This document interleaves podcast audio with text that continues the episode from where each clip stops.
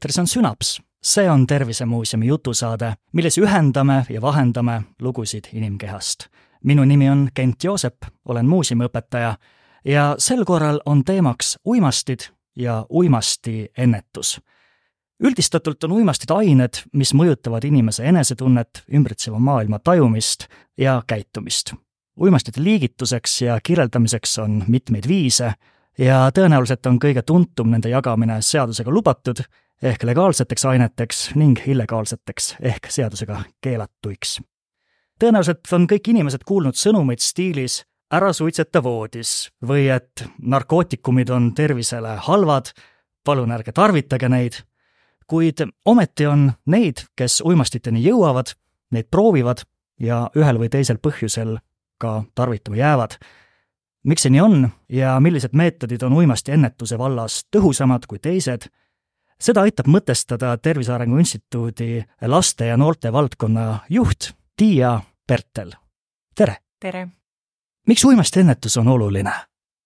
ühelt poolt just täpselt sellepärast ka, mida te välja tõite, et tegelikult on uimastid meie ühiskonnas üsna levinud ja võib-olla on hea ka äh, tõesti öelda siia selle liigituse juurde, et seaduslikud ja, ja äh, nii-öelda legaalsed ja, ja illegaalsed, et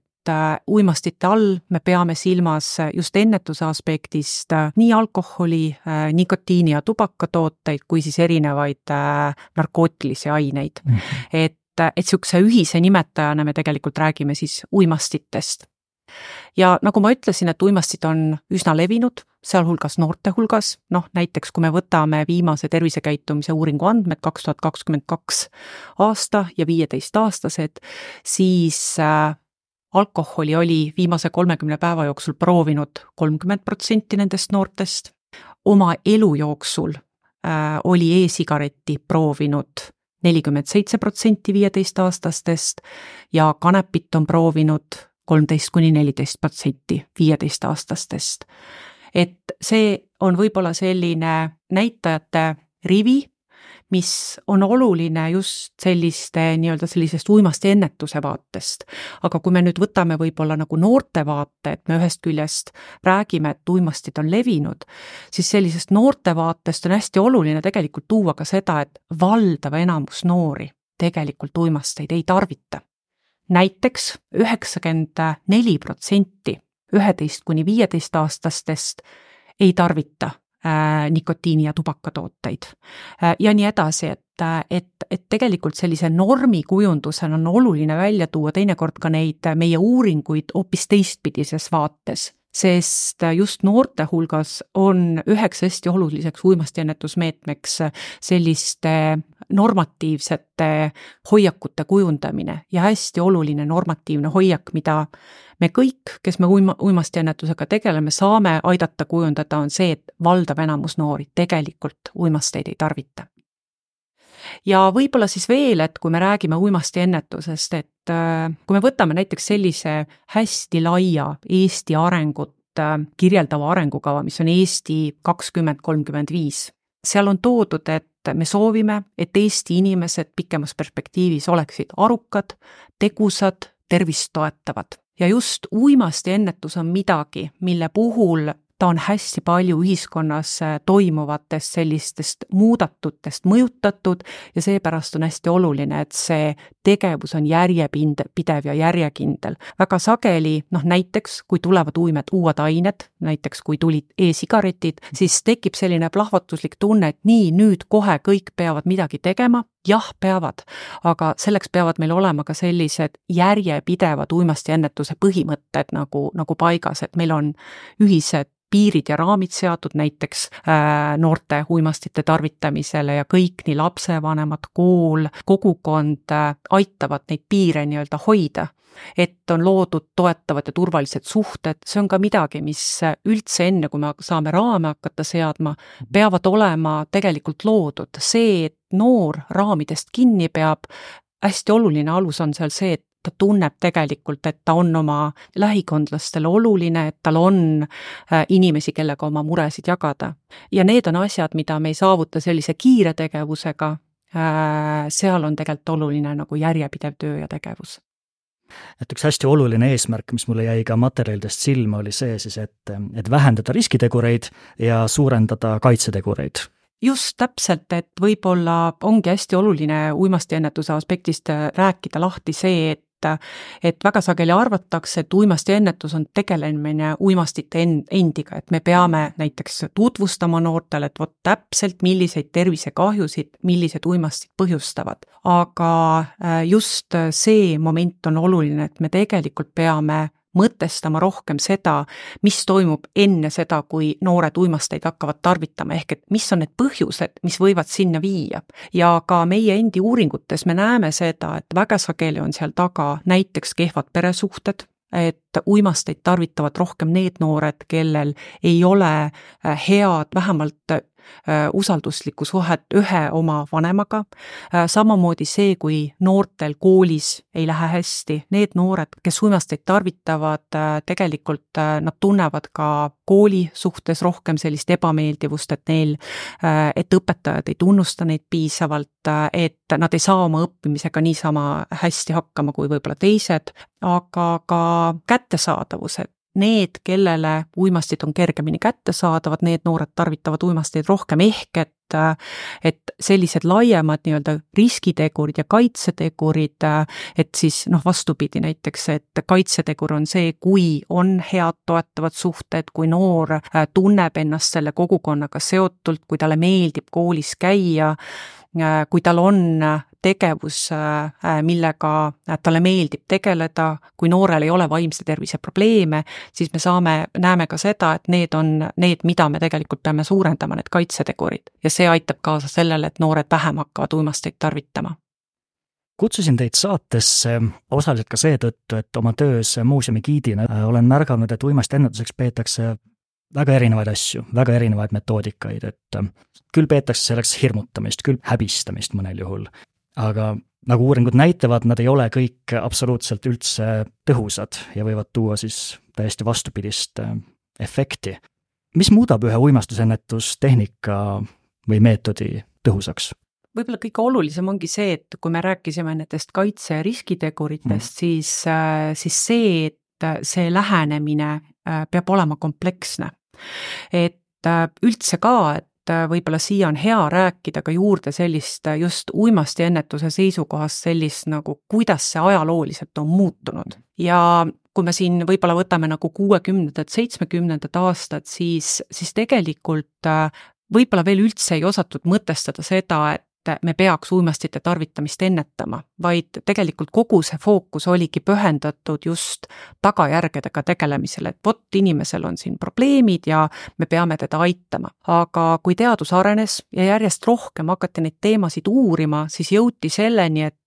on inimgrupid, kelle puhul võib-olla mõned äh, sellised äh, põhjused on enam levinud, mis aitavad viia selleni, et ta inimene hakkab näiteks uimasteid tarvitama. ehk et see, et me tegelikult ennetada saaks, me peaks vaatama oluliselt enne sinnapoole, mis on need põhjused, mis viivad uimastite tarvitamiseni.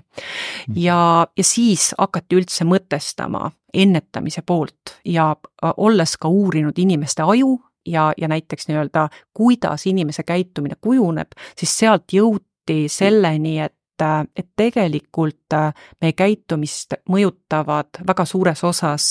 ühelt poolt äh, meid ümbritsev keskkond ja teiselt poolt äh, sellised individuaalsed või, või erinevad isiklikud tegurid. ja pigem neid keskkondlikke ja isiklikke tegureid mõjutades me saame läbi selle tõhusalt mõjutada inimese käitumist ja väga sageli ainult lihtsalt teadmine, et vot üks uimasti mõju niipidi või teistpidi või millised on täpselt need tervisekahjud, siis äh, tegelikult see ei ole midagi, mis äh, just eriti näiteks noorte hulgas mõjuks ennetavalt. Mõnes mõttes huvitav ka, et seda võiks nüüd natuke võib-olla analüüsida põhjalikumalt, et, et tõepoolest äh, öeldakse, et see, kui me räägime uimastitest nüüd eraldi, me kirjeldame, millised nad on, on nad vedelikud, on nad pulbrid, mis kujul, kuidas nad mõjuvad, et see justkui ei toimi, et see võib justkui toimida toote esitlusena, Äh, just täpselt, et, et äh, seesama, et siin enne oli ka toodud, et see äh, ühelt poolt noh, ongi näidatud uimastiennetuses seda, et lihtsalt tutvustamine, kui sinna juurde ei tule ka sellist nagu laiemat arutelu või oskuste õpetamist mm, -hmm. et sest noh, väga sageli me just näemegi seda, et et väga oluline see, et kas noor nii-öelda uimastit hakkab tarvitama, see sõltub teda sellisest ümbritsevast, näiteks ka sotsiaalsest keskkonnast, et, et rohkem tarvitavad uimateid need noored, kelle võib-olla ka tutvusringkonnas on rohkem neid, kes uimasteid tarvitavad. ja see, et, et on mida nooremana on laps omandanud sellise hea e, enesejuhtimise või nii-öelda nagu eneseregulatsiooni oskuse, siis see on väga oluline kaitsetegur, et äh, tulevikus nii-öelda esiteks mitte üldse nendele uimastitele mõelda mm., aga ka näiteks, et, äh, et jääda kindlaks endale ja kui keegi pakub, siis mitte uimastit, uimasteid vastu võtta ja, ja muidugi üldse uimastiennetuses on ka hästi oluline selline nii-öelda nagu eakohane lähenemine, et Äh,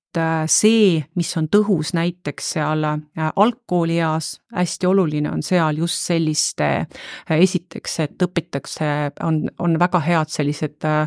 lugemisoskused kujunevad välja ja sellised eakohased eneseregulatsiooni oskused, need aitavad tulevikus tegelikult ära hoida erinevaid riskikäitumisi. siis võib-olla selline algkoolist edasi, põhikooli esimene aste, seal on hästi olulised ka sellise sotsiaalse normi kujundamine, et et seal on juba see, et võib-olla vanemate mõju, ta on alati tegelikult laste-noorte puhul oluline, kui, kui eriti, kui vanematega on sellised toetavad suhted, siis äh, sellises põhikooli või noh, ütleme siis seal neljandas kuni kuuendas klassis, et seal on oluline ka selline sotsiaalse normi kujundamine, et tegelikult äh, täpselt nagu ma enne ütlesin, enamus noori äh, uimasteid ei tarvita ja selles vanuses enamus noori pole ka tegelikult veel uimasteid üldse proovinud. ja nüüd äh, siis äh, võib-olla kõige keerulisem iga äh, uimastiennetuse osas on selline keskmine teismelise iga, ehk et sealt äh, siis ütleme kolmteist kuni viisteist. ja see võib-olla on ka sellises äh, teismea või noorukea Äh, noore enda jaoks enesearengu seisukohalt hästi selline keeruline iga ja seal öeldaksegi, et väga sageli sellised universaalsed meetodid, et äh, lihtsalt hoiakute kujundamine või oskuste õpetamine ei pruugi olla nii tõhusad, et seal on oluline tegelikult seda noort selles võib-olla arengu kõige keerulisemas perioodis äh, võimalikult palju ka individuaalselt toetada, et ta, et ta enda sellise arengu siis arenguraskustega kenasti toime tuleks. ja kui me jõuame juba sinna gümnaasiumi, kutsekooli ikka ja sealt edasi, et siis jälle tegelikult ka sellised laiemad hoiakute kujundamised, äh, oskuste äh, õpetamine äh, on tegelikult olulised ja sellise iseseisva vastutustundliku nagu kodaniku kujundamine, et, et need, need saavad oluliseks. ja noh,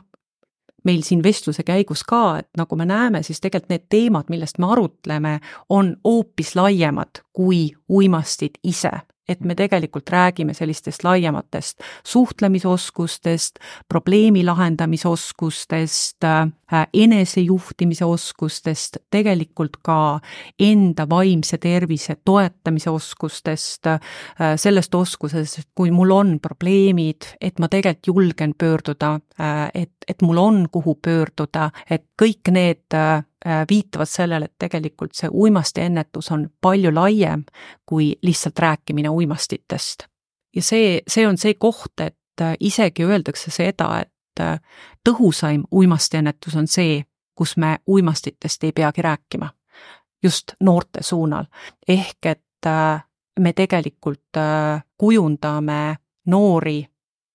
või loome noortele sellise keskkonna ja kujundame neile oskuseid selliselt, et et neil ei teki ahvatlust uimasteid proovida. aga fakt on see muidugi, et, et tegelikult noored oma tegelikult arengus nii ehk naa on mingis heas sellises etapis, mil nad erinevatele sellistele ahvatlustele ja see ongi ka nende arengu ülesanne, et, et nad peavadki proovima uusi asju ja on see, et, et üks võimalus neist on kahjuks ka uimastid. et siis see, kuidas me seal äh, etapis ka noori saame toetada nii, et see isegi, kui proovitakse, äh, võimalikult vähe viiks edasi selleni, et noor jääb regulaarselt tarvitama. kas ma saan õigesti aru, et uimasti ennetuse mõttes, et tõesti kõik need uimastid kõigis oma väljendustes ja omadustes lüüa justkui ühe puuga, väga hea oli tegelikult seesama äh, uimastite jaotus, mida, mida te kõige alguses tõite, et mm, -hmm. et nii-öelda seaduslikud ja, ja, ja ebaseaduslikud, et muidugi noorte vaates noh, me või ütleme, alaealiste vaates me ütleme seda, et kõik uimastid on ebaseaduslikud. Mhm. ja, ja seda ja siin on ka võib-olla hästi oluline, et, et mõnikord noh, öeldakse noortele, et noh, eriti alaealistele, et ei tohi tarvitada sellepärast, et uimastid on äh, seadusega keelatud mm, -hmm. aga tegelikult on oluline rääkida ka seda, et mis on selle keelamise nii-öelda taga. et tegelikult selle taga on see, et me soovime noorte tervist nii-öelda säästa ja hoida ja, ja mispärast on oluline noorte tervist ja sää-, säästa ja hoida rohkem kui võib-olla täiskasvanute tervist, on see, et et oluline on ka nii-öelda see, et just sellises teismeeas ehk kuni kahekümne viienda eluaastani äh, inimese aju toimub kõige kiiremini inimese aju areng mm. -hmm. ja, ja võib-olla just äh, sellises noorukeas on kõige olulisem prefrontaalse korteksi areng, ehk et siis eesaju koore areng, mis selliseid hästi olulisi, nii ka nimetatakse kahekümne esimese sajandi oskusi mm, -hmm. et täpselt probleemilahendusoskus ja nii edasi, aitavad äh, siis ajul piisavalt küpseda. Mm, aga see lähenemine ka, et mm, nojah, selge, et need ongi kaks erinevat asja, et kui me tegeleme ennetusega või me tegeleme näiteks ühe grupiga, näiteks ühe toreda kuuenda klassiga, kus on erinevate uimastite tarvitamine juba, juba levinud. mil määral need lähenemised erinevad? siin võib-olla ongi kõigepealt see, et üldse, kui me räägime uimastiennetusest koolis, siis ma ütleks, et noh, ma ise nimetan seda, et, et ütleme, et tool on tugev siis, kui taburetil on kolm tugevat jalga ja nende all pean ma siis silmas seda, et esiteks äh, on hea koolipoliitika ja, ja, ja see on siis see näiteks, et koolis on kokku lepitud, et kool on uimastivaba piirkond. et meie koolis erinevaid uimasteid ei tarvitata. see on sisekorra eeskirjades kirjas ja nii edasi ja neid raame ja piire nagu äh, hoitakse, mm. tuletatakse meelde, kui sellised juhtumid on, arutatakse tegelikult läbi nii noortega, kooli töötajatega, lastevanematega ja kõik osapooled äh, on selliste ühiste seisukohtade juures sellel teemal. ja tõesti on see, et noortele lihtsalt ei anta neid piire ette, vaid nendega ka räägitakse, miks, miks meil sellised kokkulepped on, miks me mõnikord võib-olla kokkuleppeid veel nagu täiendame ja, ja jõustame, siis teine pool äh, ehk teine tabureti jalg on see, et kool on selline kooli kliima on tegelikult nagu toetav. kool on see koht, kuhu iga laps tahab ja soovib tulla. ta tunneb ennast selle kogukonna liikmena, ta tunneb, et tema panus on tegelikult nagu oluline. ehk et äh, see, et äh, iga laps koolis teab või iga noor koolis teab, et tema, ta on seal väärtustatud ja oluline täpselt samamoodi kindlasti peaks olema kodu see koht, kus iga laps tunneb, et ta on väärtustatud ja, ja, ja temaga arvestatakse. Hmm. ehk see kooli kliima, jälle midagi, mida tuleb järjepidevalt kujundada. ja siis kolmas sammas on õppekava ja läbi õppekava me saame õppida erinevaid või õpetada lastele nii hoiakuid, kujundada oskusi, ehk et ka see õppekavas läbi erinevate õppeainete on võimalik teha väga tõhusat uimastiennetustööd. see võib tähendada seda, et äh, näiteks äh, keskkonna või loodusõpetuse tunnis me räägime ka sellest, et mida võivad erinevad ühekordsed materjalid ja ühekordsed vahendid meie keskkonnale luua, see annab võimaluse sisse tuua näiteks e-sigaretid, mis väga sageli on ühekordsed, eks ju, et tuua sisse ka selliseid erinevaid äh, nii-öelda lähtekohti. näiteks äh, äh, selline keel ja kirjandus saavad käsitleda ka sotsiaalmeedia mõju, et kuidas meid võidakse mõjutada näiteks sotsiaalmeedia kaudu ka negatiivselt, ehk et neid lähenemisi saab olla läbi õppekava tegelikult erinevaid, mis toetavad uimasti ennetust ja ongi nii, et kui me räägime tõhusast uimasti ennetamisest, on oluline, et need kolm sammast on koolis tugevalt üles ehitatud. ja nüüd teine teema on see, et kui noored proovivad uimasteid või nad jäävad uimastitega vahele, siis iga noor peab saama seal individuaalset tuge.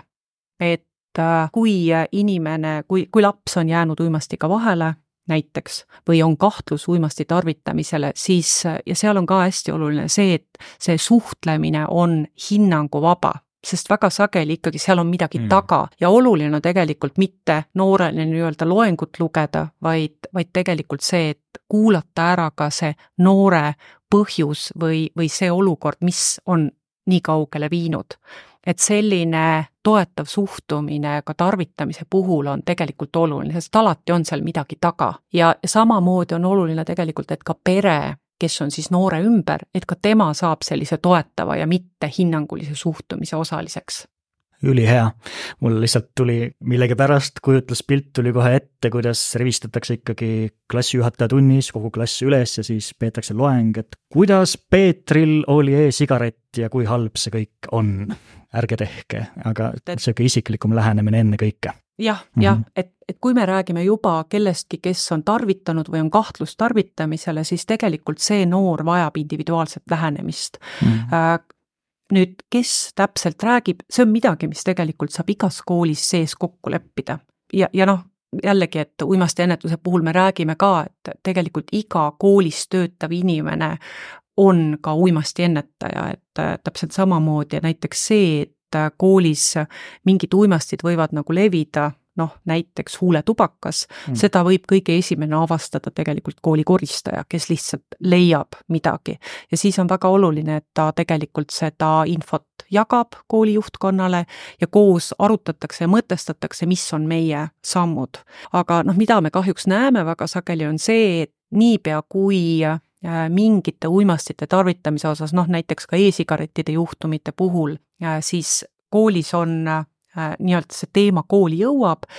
siis leitakse, et kõige esimesena me peame ikkagi kutsuma kellegi majavälised spetsialisti, kes nüüd räägib noortele siis e-sigarettide mõjust. Mm. aga meie omalt poolt näeme seda, et kuna see töö peab olema järjepidev, need kolm tabureti jalga, millest me räägime, peavad toimima järjepidevalt siis kõige paremad laste õpetajad, sealhulgas uimastiennetuse osas, on tegelikult õpetajad ise ja meie äh, näiteks Tervise Arengu Instituudi poolt oleme alati nõus äh, õpetajaid toetama selles osas, et kui on uued ained, siis mis nende puhul on need mõjud, mis on need teemad, mida noortega peaks võib-olla lisaks käsitlema, noh näiteks kui me võtame needsamad e-sigaretid, siis arvatakse, et nad on väga ohutud, aga nagu ka mõtestamine selles osas, et nad sisaldavad väga palju lisaks nii-öelda, kui, kui nad isegi on nikotiinivabad, aga väga sageli nad siiski nikotiini sisaldavad, eks ju, nad sisaldavad väga palju muid erinevaid lisaaineid, mis jälle teistmoodi tegelikult inimese tervist nagu mõjutavad. ja väga paljud noored nendest lisaainetest tegelikult ei ole nagu teadlikud, mis, mis siis nendes võivad veel sees olla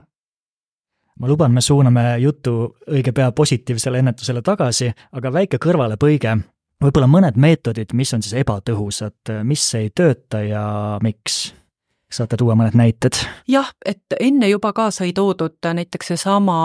hirmutamise teema mm. ja šokeerimise teema, et et siin on tegelikult nagu mitmed aspektid, et nagu me rääkisime ka, et sellises äh,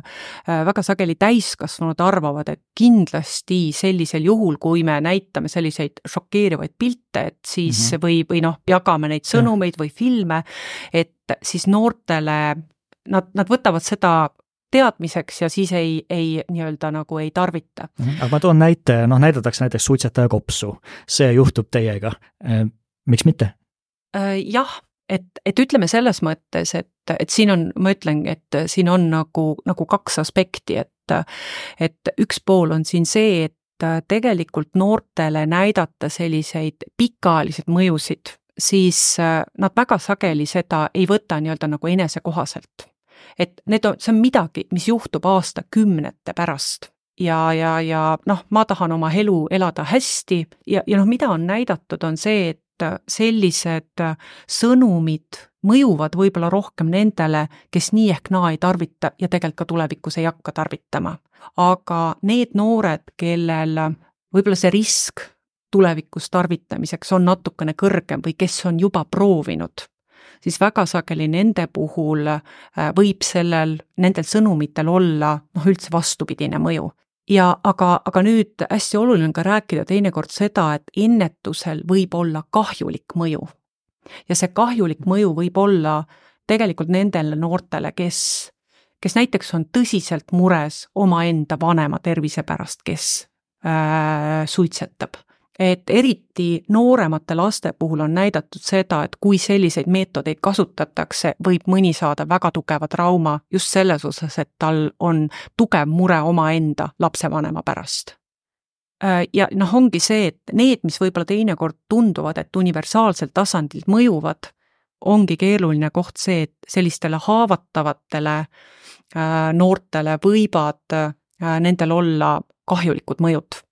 ja, ja noh, täpselt, et et kui äh, lapse, lapse või noore peres on keegi tarvitaja, siis kõik need sõnumid talle võivad mõjuda veel rohkem traumeerivamalt, just mm. äh, näiteks hirmu mõttes omaenda varem, vanema pärast. või siis äh, näiteks noored, kes on proovinud mingeid erinevaid uimasteid ja, ja üks hästi tüüpiline meetod, mida kasutatakse, on see, et endiseid uimastitarvitajaid kutsutakse rääkima, siis seal on ka see, et väga sageli need noored näevad hoopis seda pilti, et keegi inimene, äh, ta on uimasteid tarvitanud, aga ta on sellest üle saanud. aga teiselt poolt me tegelikult teame seda, et need inimesed, kes juba on sõltuvuses või sõltuvuse diagnoosiga, siis äh, see protsent, kes tegelikult sellest terveneb, nii-öelda terveneb, sest tegelikult kunagi sõltuvuses olnud inimene, äh, me ei saa kunagi öelda, et on tervenenud, siis äh, just see võib anda vastupidise sõnumi. et sellest on ju võimalik üle saada, tema ju sai. Hmm. aga hästi oluline on see, et äh, ka sõltuvusest ülesaamisel on väga oluline, et inimesel on selline hea toetav võrgustik ja et väga paljud erinevad asjad nii-öelda toetavad seda, et, et sõltuvusest vabaneda. võib-olla üks asi, mida on ka koolides proovitud, on see, et kutsuda kohale näiteks politseiametnik kutsuda kohale kiirabitöötaja oma kogemust jagama. mida sellest arvate? siin võib-olla kõige olulisem on see, et äh, kõik nad kindlasti on väga targad ja tublid spetsialistid oma alal, aga nad ei ole tegelikult läbinud õpetaja väljaõpet ja neil ei ole neid oskusi, kuidas õpilasi õpetada äh, ja nende käitumist kujundada. et nad saavad jagada fakte, aga faktidest olulisem uimastiennetuses on tegelikult selliste hoiakute kujundamine, oskuste õpetamine ja sellise igapäevaeluga toimetuleku toetamine. ehk ikkagi see pikaajaline lähenemine, pidev. jah, ja teine asi siin tõesti ongi jah see, et, et väga sageli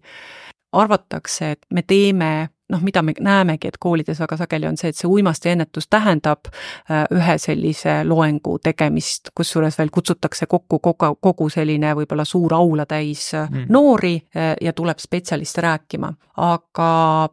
olulisem sealt on, on see tõesti, et neid teemasid käsitletakse järjepidevalt erinevate nurkade alt ja ka nii-öelda noori aktiivselt kaasa mõtlema ja kaasa rääkima kutsuvalt.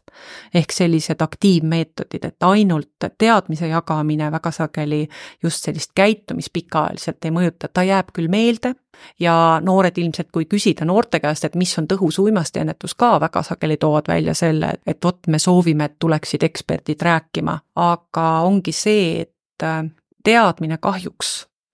noh, me teame kõik seda, et, et erinevad tubakatooted on tervisele kahjulikud, see on pikaajaliste uuringutega ja nii edasi näidatud, aga siiski kahjuks on neid inimesi, kes neid tarvitavad. ehk et ütleme, lihtsalt teadmine ei ole see, mis, mis aitab viia käitumise muutmiseni. me oleme rääkinud siin korduvalt just, et on siis tõenduspõhised meetodid ja neid on siin nimetatud ka riburada pidi kust need tulevad meile, kus neid siis uuritakse ja, ja mis kinnitab, et need tõepoolest toimivad? võib-olla kui nüüd võtta seesama uimastiennetuse lähenemine, et nagu me ütlesime, siis ennetuses üks pool on see, et me oleme jõudnud sinnamaale, et tegelikult on hästi oluline tegeleda erinevate kaitse ja, ja riskiteguritega, mis uimasti tarvitamist võivad esile kutsuda ja seepärast noh, võib-olla kõige sellisem esimene aspekt sellise tõenduspõhise ennetuse puhul on see, et me tegelikult peame ka korjama andmeid, et et, et näiteks esiteks, et mis, millised on äh, meie noorte hulgas uimastite tarvitamise trendid, aga ka, et mis on need nii-öelda kaitse- ja riskitegurid, mis võib-olla rohkem äh, seda tarvitamist mõjutavad. ja Eestis ka me saame Äh, nii-öelda meie kooliõpilaste tervisekäitumise uuringust me saame kenasti tuua seosed selliste kaitse- ja riskitegurite osas välja ja osades äh, meie kohalikes omavalitsustes on ka sellised äh, regulaarsed seires käimas ja seal on hästi oluline see, et tõesti võetakse aluseks, aluseks siis need, et millised on selles paikkonnas võib-olla enam levinud sellised kaitse- ja riskitegurid ja nüüd, et milliste siis äh, Äh, ennetustegevustega me saame neid kaitse- ja riskitegureid mõjutada. ja nüüd, nüüd siinpool tuleb siis see, et, et tegelikult maailmas me ei pea, Eesti ei pea alati igas asjas leiutama jalgratast, vaid me saame võtta abiks ka teise, teiste riikide sellise hea kogemuse, et et õnneks on olemas mitmed sellised rahvusvahelised registrid, kust on võimalik näha, et mis, et näiteks kui meil on sellised riskitegurid ülekaalus, et milliseid ennetusprogramme on mõistlik kasutada. Ja, ja noh, üks hästi levinud ja ka Eestis me näeme seda, et, et üks selline riskitegur on halvad peresuhted, ehk et selliste vanemlike oskuste edendamine on üks hästi mõjus äh, ennetusprogramm, mida on mujal maailmas äh, just riskikäitumise, laste riskikäitumise ennetamisel kasutatud, et see, kui me näeme, et riskitegurina on sellised äh, halvad peresuhted võib-olla nagu levinud kogukonnas, kindlasti on mõistlik kasutada selliseid ennetustegevusi, mis toetavad vanemate häid oskusi siis peresuhete kujundamisel ja nüüd äh, see, kui me nagu rahvusvaheliselt, äh, me saame sealt ennetus äh, siis erinevatest registritest, et mis on tõendatud tulemuslikkusega ennetustegevused, siis samamoodi on see, et hästi mõistlik on see, et me nende tegevuste osas, mida me, meie Eestis teeme, ka viime läbi erineval tasemel uuringuid. Ja noh, kõige parem on, kui see uuring saab näidata seda, et kui meil on nii-öelda sekkumisgrupp ja, ja võrdlusgrupp, et tõesti, kui ühele grupile rakendatakse sekkumist ja teisele mitte, et et siis sellel on kas nendele kaitse- riskiteguritele mõju või siis juba me näeme siis mõju juba tõesti sellele meie äh, näiteks uimastite tarvitamisele. Ja Eestis oleme me ka nii kaugele jõudnud, et ka Eestis me võime öelda, et meil küll ei ole veel nii-öelda sellist ennetuse registrit, aga Tervise Arengu Instituudi juures on paar aastat töötanud ennetuse teadusnõukogu, kes selliseid erinevatele ennetustegevustele tehtud äh, hindamisuuringuid äh, on siis läbi vaadanud ja ka Eestis siis erinevad äh, ennetustegevused, et me ütlemegi, et siis määratlenud ära praegusel hetkel uuringute baasil, et mis see tõendatuse tase on. Ja, ja siin on oluline võib-olla mainida seda ka, et see, kui tegevu-, ennetustegevusel ei ole piisavalt uuringuid tehtud, me alati ei saa öelda seda, et see see tegevus ei ole üldse tõhus, aga lihtsalt mõistlikum meil on kasutada ja enam ka nagu levitada Eestis selliseid ennetustegevusi, mille puhul me saame öelda, et tegelikult ka uuringud selle tulemuslikkust äh, kinnitavad kui natukene veel täpsustada, et kuidas hinnata siis seda tulemuslikkust, et millised need erinevad mõõdikud on, mida jälgitakse? Äh, see, see ongi nüüd äh, see, et et, et iga ennetustegevuse puhul tuleb need mõõdikud kõigepealt eelnevalt paika panna, et mida me siis, mida me siis hindame, et kui me võtame rahvusvaheliselt üle erinevaid ennetustegevusi, siis seal sageli on juba need mõõdikud ka välja töötatud, ehk et meil on alus, mille pealt ka meil uuringuid teha. ja, ja muidugi ka Eestis välja arendatud erinevad sekkumised, väga sageli seal on ka see, et, et tegelikult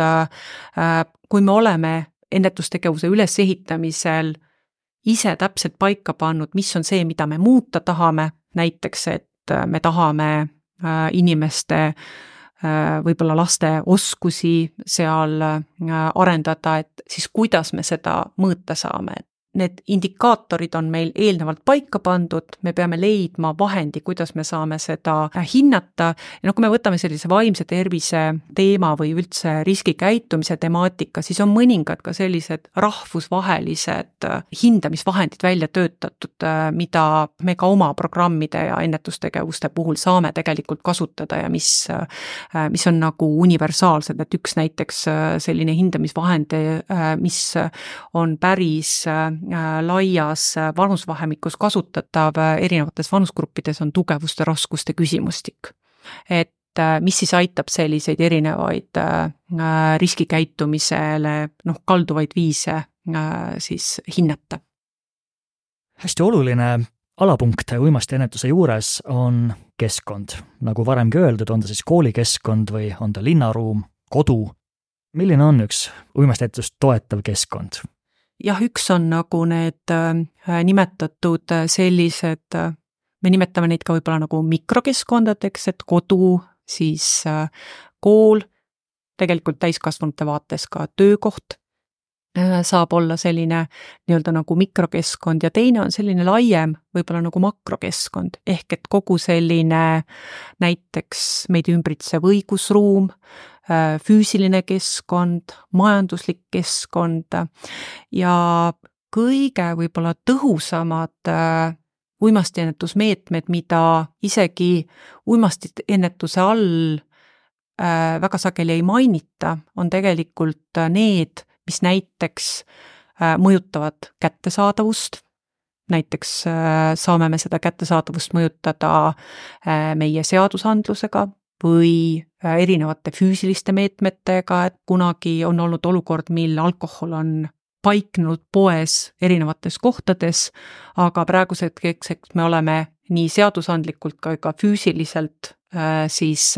piiranud ära, et tegelikult ei peaks poes olema see nii-öelda nagu nähtav. ja lisaks sellele kättesaadavusele teine pool ongi võib-olla hästi oluline sellise keskkondlikuna, et kuivõrd nähtavad on uimastid äh, igapäevaselt ja samamoodi selle kättesaadavuse ja nähtavuse osas, noh näiteks ka tubaka teema osas on väga selgelt äh, maailmas erinevate uuringute tulemusel jõutud sinnamaale, et äh, mida vähem on näiteks noori ümbritsevas keskkonnas eri, erinevaid äh, tubakatooteid müüvaid ja noh, nähtavalt müüvaid nagu asutusi, seda väiksem on noorte uimasti tarvitamine. aga kui neid kohti on rohkem, siis äh, on noorte äh, siis tarvitamisnäitajad kõrgemad. samad seost on toodud ka selliste alkoholimüügikohtadega ja, ja siis ka täiskasvanute puhul ja muidugi selles mõttes äh, sellesama kättesaadavuse koha pealt ka see, et kuidas on see kättesaadavus nii-öelda nagu hinna mõttes. et kui meie inimeste ostujõudlus suureneb, et siis äh, kuidas selles osas meie äh, sellised maksud näiteks mõjutavad seda, et kas ja kuivõrd nagu siis erinevate uimastite kättesaadavus kas äh, kasvab või kahaneb, et sellel on väga selged seosed. ehk et ütleme selles mõttes, et kõige mõjusamad sageli on tasakaalustatud sellised laiemat makrokeskkonda mõjutavad ehk siis kättesaadavust ja nähtavust mõjutavad keskkondlikud meetmed ja teine on siis need nii-öelda mikrokeskkonnad nagu kodu, äh, kool ja, ja, ja näiteks töökoht ja kogukond. ja nagu ma siin kooli uimastiennetuses ütlesin, et hästi oluline on sellised äh, ühelt poolt äh, toetav koolikeskkond, teiselt poolt see, et meil on koolis kokkulepped või raamid või piirid seatud ja kolmas selline õppekasvatustöö või, või õppekava rakendamine, et sama me tegelikult võime ka öelda nagu, me võime selle tuua meie kogukonda nii-öelda nagu laiemalt, et kuidas keskkonnas noored, noortele, kuivõrd on siis see keskkond uimastivaba, et väga selgelt näiteks tubaka puhul on ka näidatud seda, et et kui vähem tarvitavad tubakatooteid need noored, kelle sellises lähiringkonnas ei ole tarvitajaid. Hmm. aga äh, kui lähiringkonnas on tubakatarvitajaid, on palju suurem tõenäosus, et noored hakkavad tulevikus tubakatooteid tarvitama. alkohol noh, Eesti kontekstis ta on ikkagi nagu üsna levinud, et seal noh, selliseid seoseid ei ole niisama lihtne nagu, nagu tuua. aga tubakatoote puhul küll see on väga selgelt nagu äh,, nagu näha. Kui võtta korra veel ähm, uimasti ennetaja tasand, et mis iseloomustab ühte head uimasti ennetajat? siin on ka jälle mitmed erinevad nagu äh, aspektid olulised ja, ja võib-olla on oluline ka see, et, et kogu uimastiennetus on selles mõttes selline valdkonnaülene, et et me näeme seda, et olulised on teadmised nii andmetest ehk epidemioloogiast, äh, tegelikult äh, inimese või noh, ütleme selline ka arenguline aspekt, et selline Äh, sotsioloogia ja psühholoogia teadmised on tegelikult olulised. Ja ongi, et äh, laiem vaade valdkondade üleselt, et äh, et tegelikult need tagajärjed väga sageli ju uimastite osas noh, väljenduvad kas erinevates sotsiaalsetes probleemides, terviseprobleemidest või sellises õigusrikkumistes või kuritegelikus käitumises, aga need põhjused on sageli selles, et kuidas meie Äh, haridussüsteem on üles ehitatud, kuivõrd meie kodud on lastele ja noortele sellist turvalisust äh, ja toetust pakkuvad ja selliseid elulisi oskusi nagu õpetavad. et seetõttu on hästi oluline ka, et see äh, uimastiennetuse vaade lisaks sellele, et, et, et võib-olla tal on sellised kitsamad teemateadmised on, on tegelikult nagu laiemalt neid riski- ja kaitsetegureid äh, mõtestavad, et mis, mis on, mis on erinevate riskikäitumiste nagu taga, et mis, mis on seal need erinevad põhjused. ja muidugi, kui me räägime sellest ennetustegevuse planeerimisest ka, et, et esiteks see, et, et me oskame oma andmeid analüüsida, mis on see, mis meie kogukonnas või meie koolis meie äh, laste ja noorte heaolu mõjutab Äh, siis, et me, me, me tegelikult oskame planeerida tegevusi nii, et me neid tegevusi võiks ka hinnata mm -hmm. ja mitte ainult rahulolu, vaid just seda poolt ka, et kuivõrd need tegevused, mida me teeme, mõjutavad siis inimeste käitumisi et nii selles planeerimise etapis, elluviimise etapis kui ka pärast nagu hindamise etapis, et me seal oleme sellised äh, head partnerid erinevate osa mm, -hmm. erinevatele osapooltele. ja muidugi see on hästi suures osas ka huvikaitseline töö. et seesama, et kui me räägime sellisest toetava keskkonna loomisest, et need, kes meie selliseid noh, näiteks õigusandlikke raame äh, siis äh, kujundavad, et et nad seda ennetuse poolt ka tõsiselt võtavad ja arvestavad näiteks seadusandliku ruumi kujundamisel ja seda nii riigi tasandil kui tegelikult ka kohalikul tasandil. me näeme näiteks seda, et äh, noored väga, nad tegelikult hindavad äh, ka legaalsete uimastite kättesaadavust väga lihtsaks ja, ja siin on tegelikult kohalikul omavalitsusel päris oluline roll sellise järelevalve osas, et kuivõrd noortele on siis kättesaadav äh, näiteks poest või, või, või, või toitlustuskohast äh, siis alkoholi ja tubakatooted et need rollid saavad olla erinevad. ja, ja muidugi me rääkisime siin ka enne, et äh, oluline samas uimastite osas on ka selline hinnanguvaba suhtlemine et me ei sildista neid inimesi, kellel on probleemid, mm. sest äh, see sildistab seda teemat ja võtab sellelt teemalt ära võib-olla sellist äh, objektiivset lähenemist ja, ja, ja soovi probleemidega tegeleda. Ja noh, me praegu näeme väga sageli, et äh, ennetuse pooles üsna palju kasutatakse sellist õhinapõhisust, et kui on probleem, siis voh, kohe nii hakkame midagi tegema, et me, me ikkagi tegutseks läbimõeldult ja, ja mõtleks ka sellele, et kui me erinevaid tegevusi,